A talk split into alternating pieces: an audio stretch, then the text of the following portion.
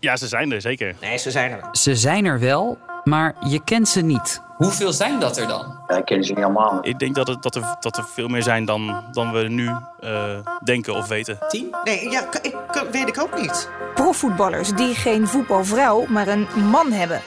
De schaduwspits. Alles wat ik gewoon al mijn hele leven probeer te vermijden, moet ik nu opeens voor die hele stomme podcast, moet ik dat alsnog gaan doen. Een podcast over vooroordelen in de topsport. Gewoon wat vrouwelijker. Gebogen armen, wat minder sterk. Daardoor gemiste kansen en het belang van een rolmodel. Als Messi of Ronaldo morgen zouden zeggen dat ze homo zijn, dat het helemaal geen probleem is. Een zoektocht van NOS-collega's en LHBTI'ers. Jeroen Rivka en Winfried naar de schaduwspits en zijn ervaringen. Het is misschien een beetje een ongemakkelijke vraag, maar ik moet hem toch stellen. Als je het niet erg vindt.